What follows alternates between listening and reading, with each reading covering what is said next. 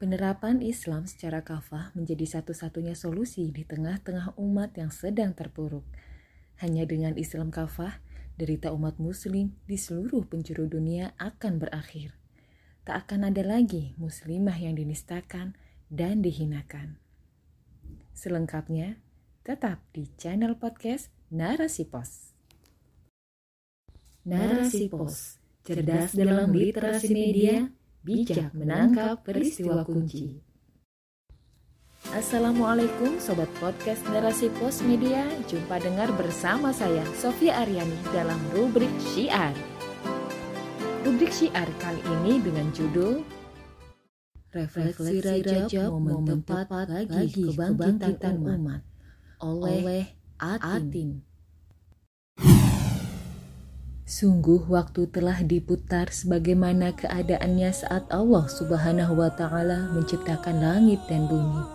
Satu tahun itu ada dua belas bulan. Di antaranya ada empat bulan haram atau suci.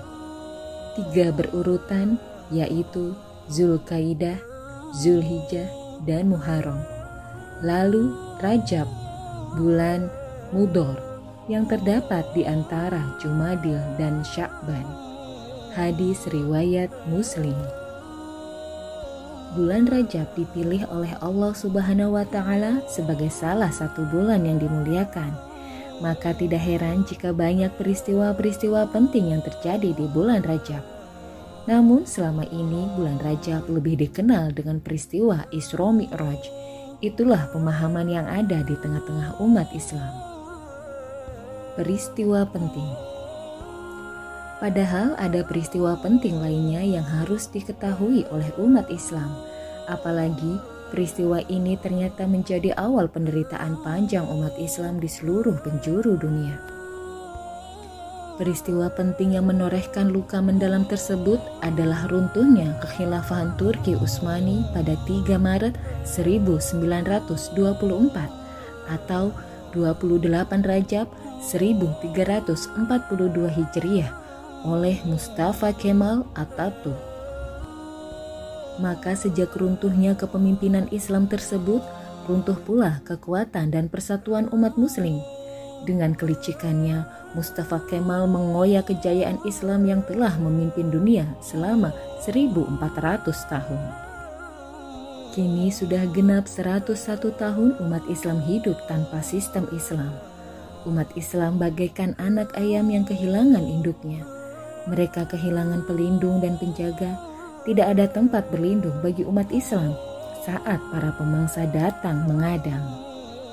Kondisi umat Muslim tanpa naungan Islam, umat Muslim hidup dalam sistem yang tidak mampu memberikan rasa aman Hal itu dialami oleh umat muslim di Palestina, Uighur, Rohingya, Pakistan, Suriah, Sudan, dan Afghanistan. Di negeri-negeri tersebut umat muslim harus bertaruh nyawa karena kezaliman para pemimpinnya. Begitu juga dengan kondisi umat Islam di India. Ketaatan para muslimah India terkait dengan jilbab menuai masalah Jilbab sebagai busana syar'i dan bukti ketundukan kepada aturan agama dilarang dan dipersekusi. Islamofobia di India menjadi isu mengerikan yang masif disuarakan. Kaum muslimah India dizolimi, dinistakan, dan dihina oleh warga mayoritas yang didukung oleh negara.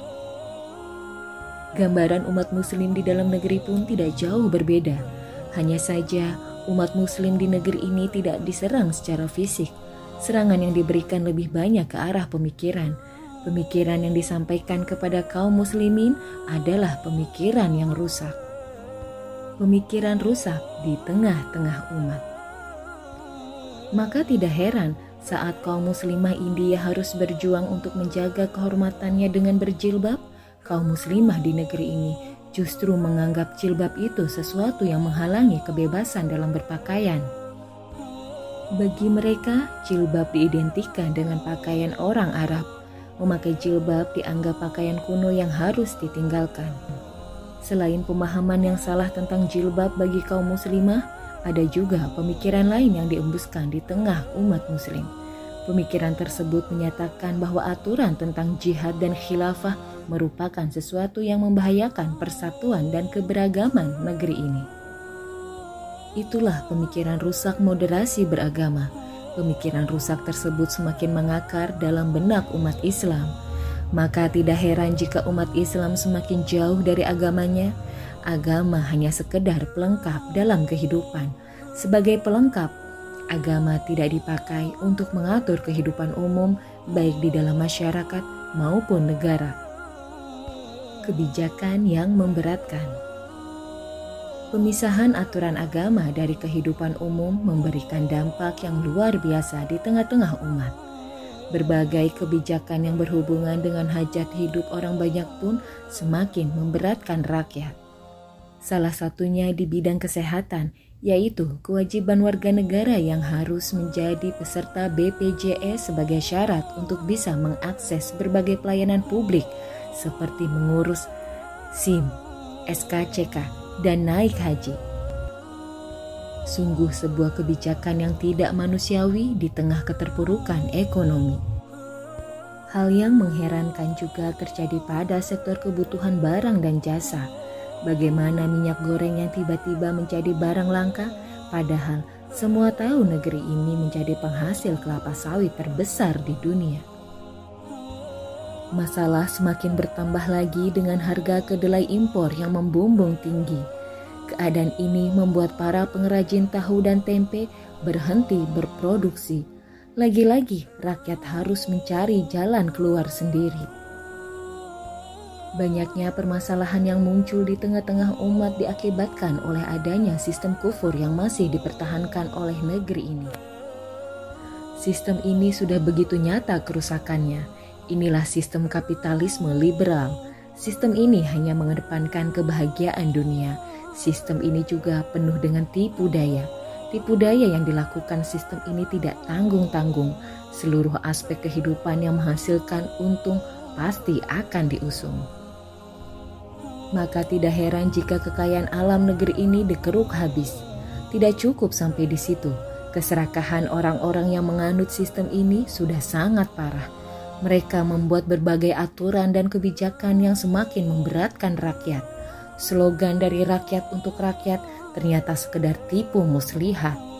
Rakyat hanya jadi alat dan dijadikan tumbal untuk meraih kekuasaan.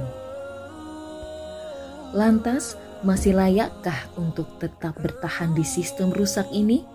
Sistem yang hanya membawa kepada penderitaan dan kesengsaraan, Sistem yang membuat kehidupan ini porak-poranda karena mengabaikan aturan Sang Pencipta. Perubahan mendasar. Umat Muslim akan tetap dalam kondisi terpuruk jika tidak mau mengubah pemikirannya.